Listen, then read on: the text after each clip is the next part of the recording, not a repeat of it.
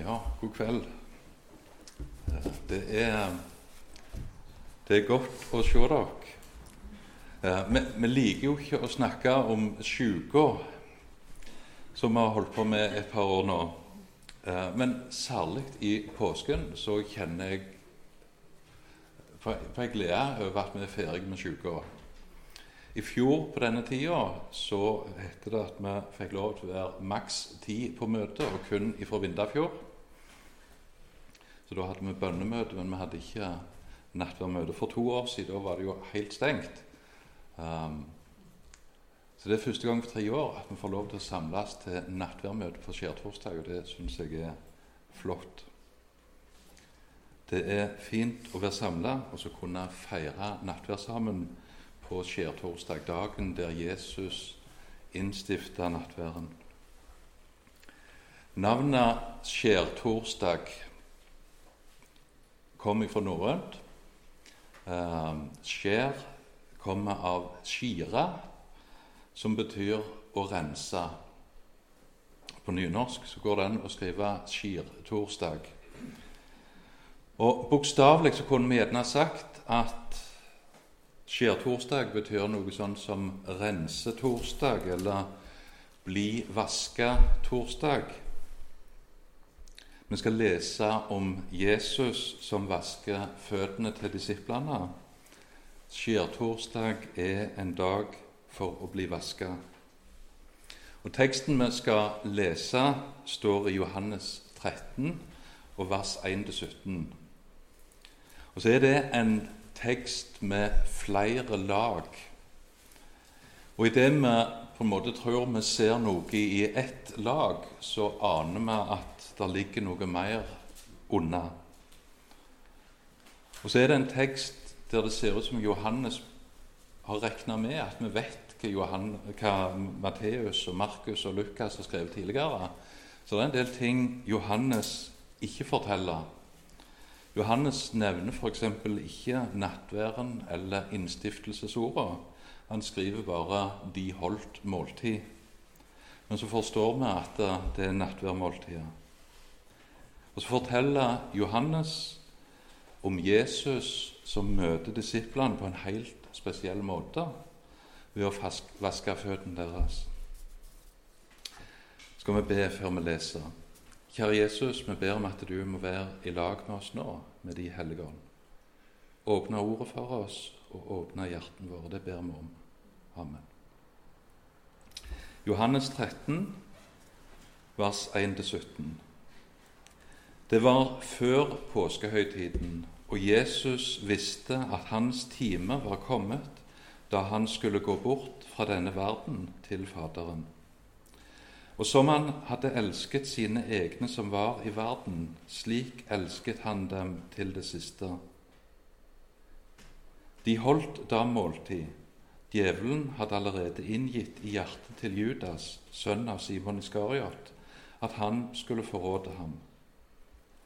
Jesus visste at Faderen hadde gitt alt i hans hender, at han var utgått fra Gud og gikk til Gud. Da reiser han seg fra måltidet, legger av seg klærne og tar et linklede og binder det om seg.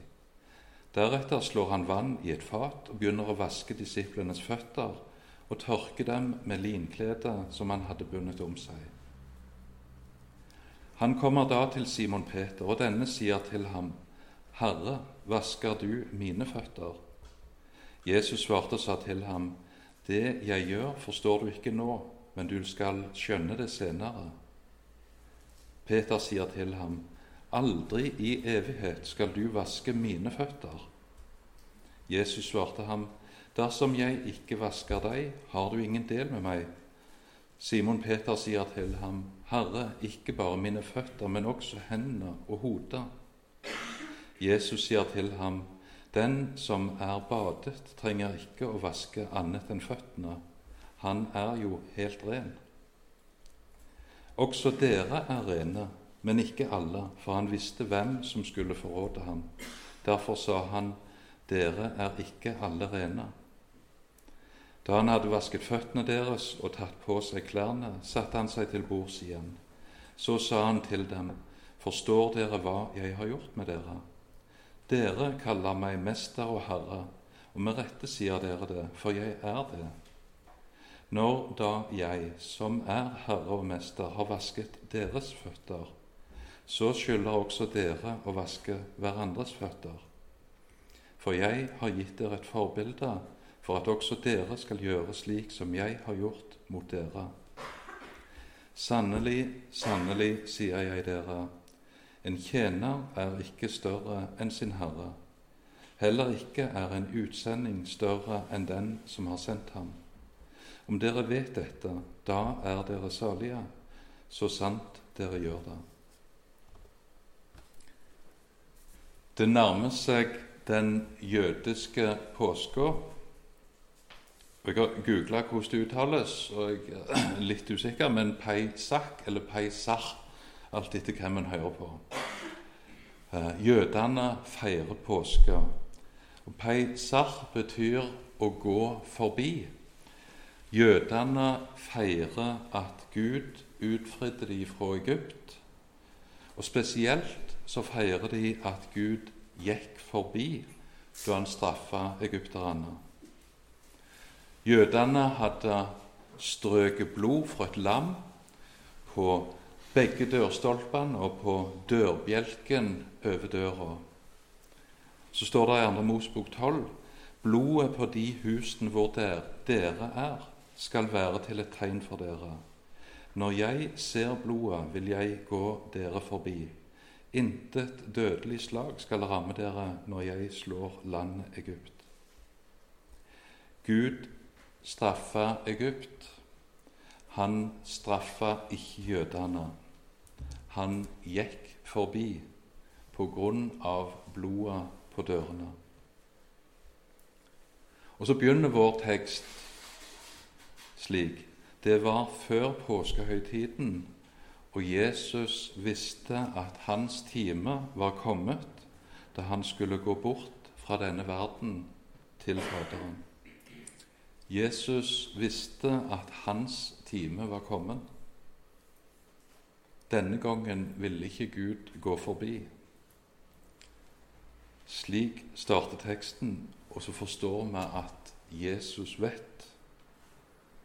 Og Så ligger det som et bakteppe for resten av teksten. Jesus vet hva som skal skje. Så står det at de holdt måltid de hadde nattverd. Johannes forteller om Judas, som allerede var falt for djevelens fristelser, og at Jesus visste.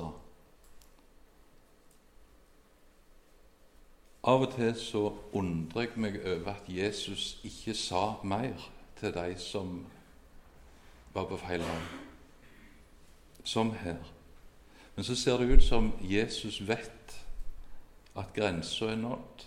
Han oppnår ikke mer med å si mer.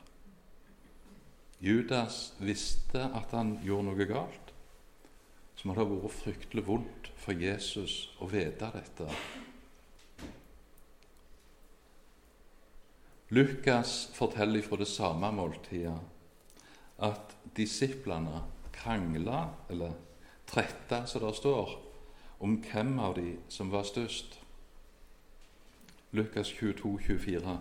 Det ble også en trette blant dem om hvem av dem som skulle gjelde for å være størst.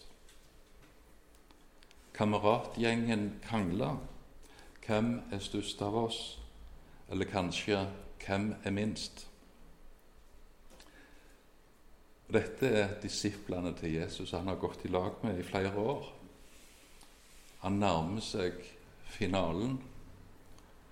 Han har én forræder, og så har han resten som krangler om hvem som er størst. Og Selv om Johannes ikke skriver om dette, så ligger nok òg dette som et slags bakteppe når Jesus vasker føttene disiplene. Det er som om Jesus hører denne krangelen mellom disiplene, og så reiser han seg ifra måltida, legger av seg klærne tar et linklede og binder det om seg.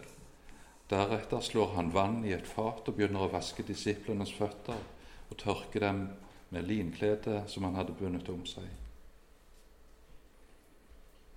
Kanskje var det fotvasken som var utgangspunktet for diskusjonen mellom disiplene.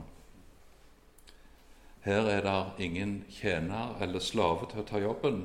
Hvem skal gjøre det? Den ene disippelen etter den andre forklarer hvorfor han ikke skal gjøre det. Skal jeg? Hvem er størst av oss? Hvem er minst? Jeg har gjort det og det. Skal jeg vaske føttene òg nå? Og så reiser Jesus seg, kler av seg, kler seg som en tjener og begynner å vaske. I ei tid der de gikk barføtte i sko som ligna på sandaler, så ble de skitne og støvete på føttene. Når de kom inn i et hus, så var det vanlig å skylle eller å vaske føttene. Eller at noen andre gjorde det. Kanskje en slave eller en tjener eller den i huset som var yngst eller hadde lavest rang. Antagelig så lå disiplene til bords på benker med føttene på skrå ut forbi. Eller kanskje de satt. Der står at Jesus satte seg etterpå. Men tjeneren går da rundt og så ganske enkelt vasker føttene vaske støvet av føttene mens de da sitter eller ligger til bords. Så vet jeg ikke hva du vil være rettest å sammenligne fotvask med i vår tid. Det er neppe manikyr eller pedikyr. Um, og kanskje er vi så oppdratte i vår tid at vi ikke lenger har oppgaver som vi tenker at noen med lavere rang skal gjøre. Håper det. Samtidig kan vi godt kjenne oss igjen i at vi av og til tenker eller syns at nå er det på tide at noen andre trår til. Disse oppgavene som vi syns er litt kjedelige. Og I en familie så kan det være en så enkel ting som å fylle på vannmugga når en sitter til bords, eller gå ut med båset.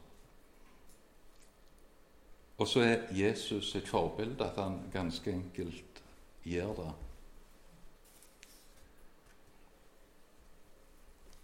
Så er det ikke første gang Jesus tar på seg en tjeners skikkelse. Det store oppdraget til Jesus i denne verden var å ta på seg en tjeners skikkelse. Paulus skriver i Filipperbrevet kapittel 2 og vers 5-11.: La dette sinn være i dere, som òg var i Kristus Jesus. Han som, da han var i Guds skikkelse, ikke holdt det for et røvet bytte å være Gud lik, men uttømte seg selv idet han tok en tjeners skikkelse på seg da han kom i menneskers lignelse. Og da han i sin ferd var funnet som et menneske, fornedret han seg selv og ble lydig til døden, ja, døden på korset. Derfor har òg Gud høyt opphøyet ham og gitt ham det navnet som er over alle navn, for at i Jesu navn skal hvert kne bøye seg dere som er i himmelen og på jorden og under jorden, og hver tunge skal bekjenne at Jesus Kristus er Herre, til Gud Faders ære. Tok en tjeners skikkelse på seg, fornedret han seg selv, lydig til døden. I Jesu navn skal hvert kne bøye seg. Evangeliet er at Jesus tok på seg en tjeners skikkelse. Han blei menneske. Han som hadde det fullkomment i himmelen, han valgte å bli et menneske. Så levde han som et menneske. Han fornedra seg sjøl. Han ble lydig til døden på korset. Så opphøyer Gud han Navnet over alle navn er Jesus. Og hver tunge skal en dag bekjenne at Jesus Kristus er Herre, til Gud Faders ære. Jesus er tjeneren, tjeneren som ofrer seg for oss. Så er innledningen i dette avsnittet i Filipperbrevet òg helt tydelig på at Jesus er et forbilde for oss. Paulus innleder med 'La dette sinn være i dere'. Jesus er den som tar på seg oppdraget om å bli menneske. Jesus er den som tar oppgaven med å vaske disiplene sine føtter.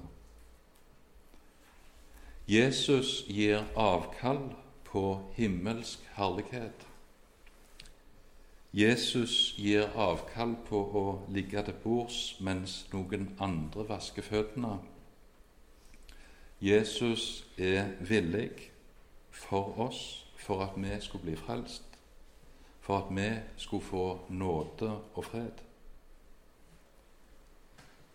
Han som er Gud, han som er Herre og Mester. Så sier han, når da jeg, som er Herre og Mester, har vasket deres føtter, så skylder også dere å vaske hverandres føtter. For jeg har gitt dere et forbilde for at også dere skal gjøre slik som jeg har gjort mot dere. Og Paulus fortsetter i Filipperbrevet med å si at vi skal ha dette sinn, samme sinnet som Jesus hadde. Det er store sko. Tenk å ha samme sinn som han som vasker disiplene sine føtter. Tenk om vi kan få ha samme sinn som han som ga seg sjøl for verden.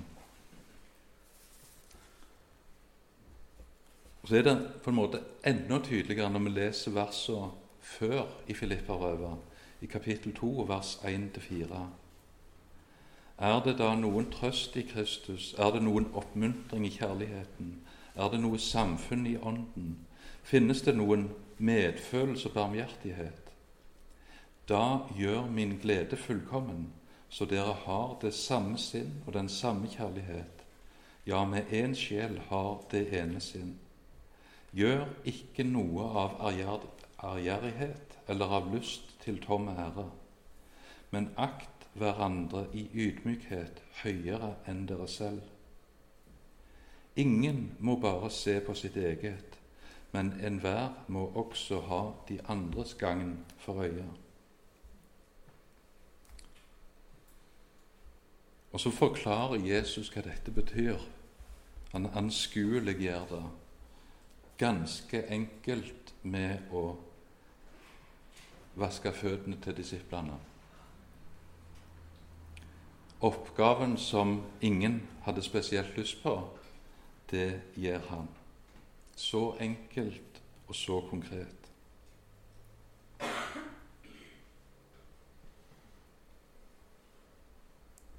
Nå legger jeg lista høyt for meg sjøl, men det handler om å gå ut med båsa, fylle vannmoka, hente ved, støvsuge, vaske klippe plenen, bytte det sommerhjul, plukke opp båset, være med og rydde, ta oppvasken.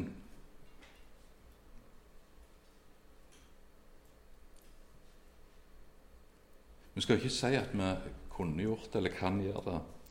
Vi skal ikke telle hvor mange ganger vi gjør det. Vi skal ikke skryte over at vi har gjort det. Vi skal bare gjøre det fordi vi kan, og fordi Gud ønsker det.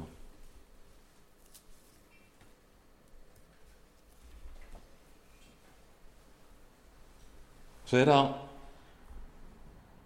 en overført betydning. Det er, er et lag under det konkrete når Jesus vasker føttene. Vi forstår at det betyr noe mer. Det handler ikke bare om rene føtter. Peter er litt av en mann, og han hadde en bratt læringskurve denne påsken. Peter var kanskje en av de som de andre disiplene tenkte var blant de største. Og så forstår han et eller annet. Kanskje syns han at det er flaut. Han forstår, vet vi ikke, og Jesus sier at han ikke forstår. Men det er et eller annet som gjør, eller noe som blir trigga hos Peter, som gjør at han protesterer. Han ligger ikke eller sitter ikke taus og lar Jesus vaske ham. Han protesterer. 'Dette er ikke rett.' Det er et eller annet symbolsk i dette. Fotvasken er ikke en tilfeldig oppgave som Jesus gjør. Fotvasken handler på et eller annet vis om å bli ren overfor Gud. Og da ønsker Peter at det skal gjøres skikkelig. Vask ikke bare føttene, vask hendene og vask hodet mitt òg. Og så lærer Jesus Peter og oss noe om det å være en kristen. Den som er bada, er rein. Den som ikke er bada, men får vaska føttene, han er ikke rein. Det hjelper ikke at bare føttene er reine, hvis ikke hjertet er reint. Den som er bada, men som ikke lar seg vaske på føttene, han har ingen del med Jesus. Og den som er bada, han trenger ikke å få vaske hele seg, for han er alt rein. Så tar Peter imot lærdommen. Han protesterer ikke lenger. Han lar seg veilede. Han gir seg, han lytter, han lærer, og så lar han Jesus vaske føttene.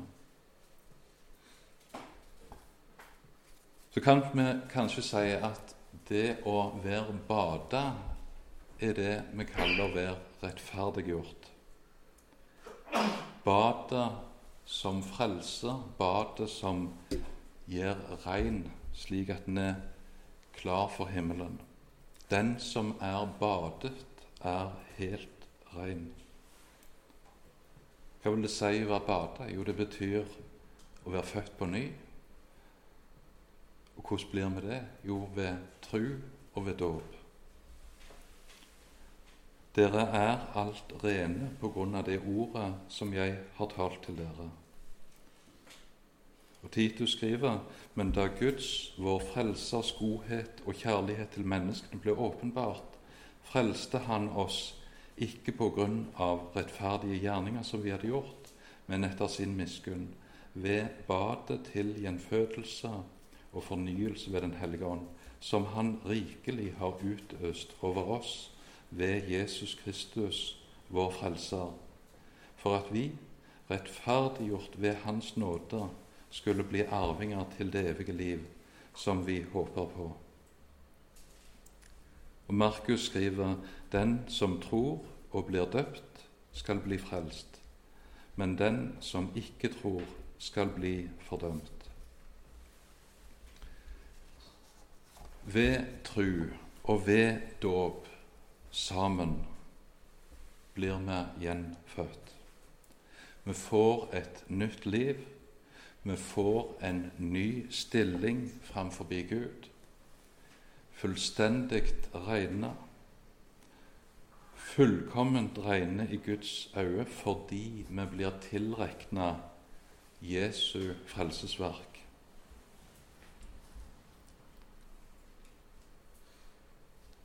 Så oppsummerer Jesus det så enkelt til Peter den som er badet, trenger ikke å vaske annet enn føttene. Han er jo helt ren. Den som er badet, han er jo helt ren. Gud har felt en dom. du er rettferdig på grunn av det Jesus har gjort.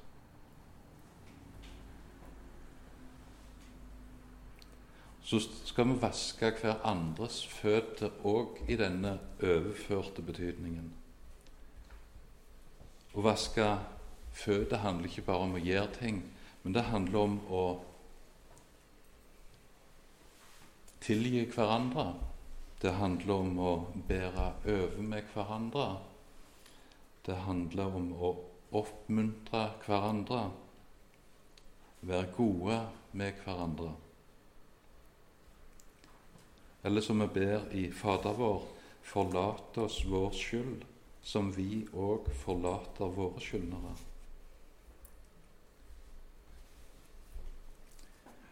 Jesus vaste føttene til Judas òg. Judas får relativt mye oppmerksomhet i tekstene til Johannes. Jesus visste hva som var i ferd med å skje. Likevel så viste Jesus sin godhet overfor denne mannen som han visste skulle forråde ham. De andre disiplene de visste ikke hvordan Judas hadde det.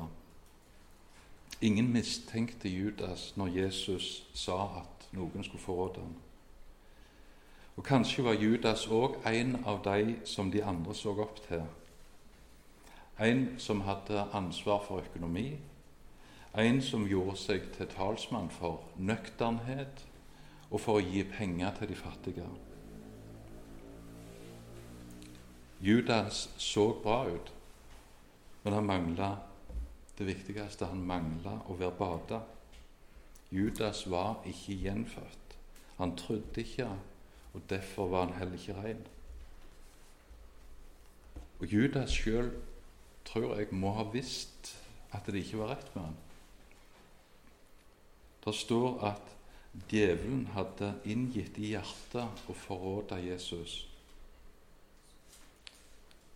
Tenk om Jesus heller hadde fått plass i hjertet til Judas. David skriver i Salme 139 Ransak meg, Gud, og kjenn mitt hjerte. Prøv meg og kjenn mine mangfoldige tanker. Se om jeg er på fortapelsens vei, og led meg på evighetens vei. Dette visste Judas om. Tenk om han hadde ydmyka seg. Tenk om han hadde bitt denne bønna og bødd seg for Gud.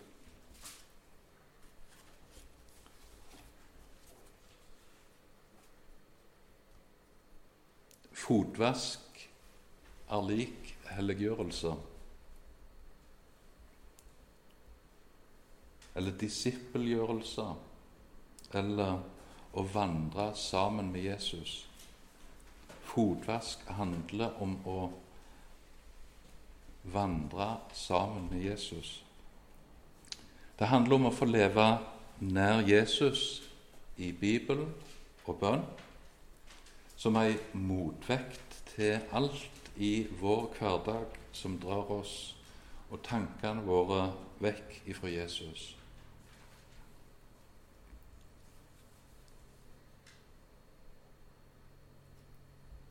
Det trenger ikke bare være det som er vondt, men alt det der som drar oss vekk fordi vi blir opptatt av noe annet enn Jesus.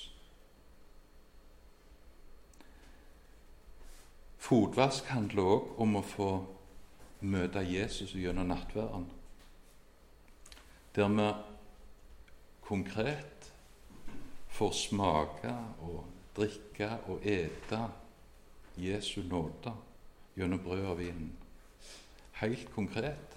Og så er det knytta løfte til det å ete nattværen, drikke den. Fotvask handler om den daglige syndsforlatelse, der vi hver dag får komme inn for Jesus og be om å få tilgivelse. En daglig renselse. En renselse ifra synd, urenhet, bekymringer, begjær. Fotvask handler om å leve nær Jesus.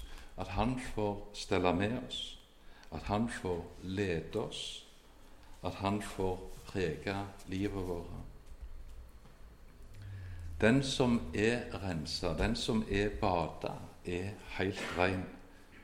Vi trenger ikke et nytt bad, eller vi trenger ikke en heilvask.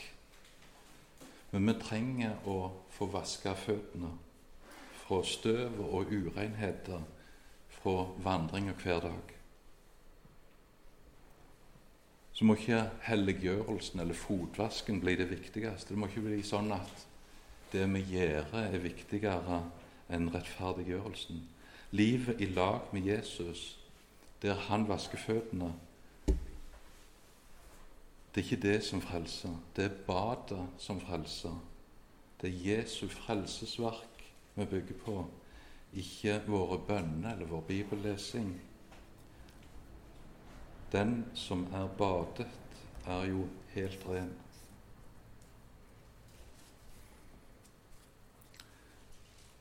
Så kan vi kanskje la verset til David være på en måte kjernen i vår daglige fotvask. Ransak meg, Gud, og kjenn mitt hjerte. Prøv meg, kjenn mine mangfoldige tanker. Sjå om jeg er på fortapelsens vei. Led meg på evighetens vei. Og vi kan ha det som ei overskrift for våre liv, for vår bønn til Gud. Vi mangler ingenting. Vi er fullstendig rene. Vi er bada. Samtidig så trenger vi at Jesus får stelle med oss fra dag til dag. Tenk om vi kan få leve i denne bønnen og i denne ydmykheten, der vi ber om at Gud må ransake oss, at Gud må se inn i hjertene våre, at Gud må prøve å kjenne tankene våre at vi ber om at Han ser om vi er på rett vei, og ber om at Han må lede oss hjem til himmelen.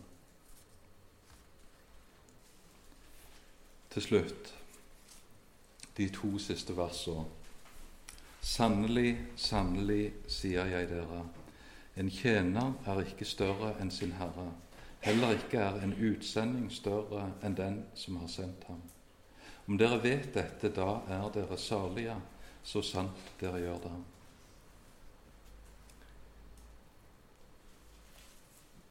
Teksten peker på at vi er vandringsmenn og tjenere, eller utsendinger, for Jesus.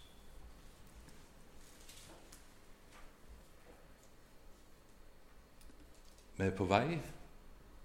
Vi går, vi blir skitne på føttene. Vi trenger å bli vaska på føttene.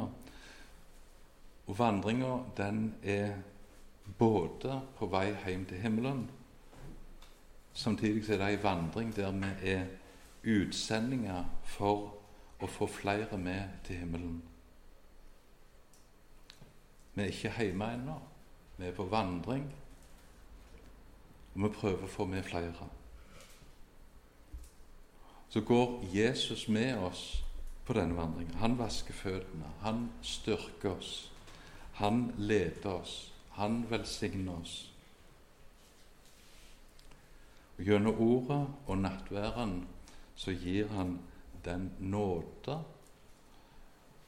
og den ledelse og den velsignelse og den styrke vi trenger for å fortsette vandringen. Amen.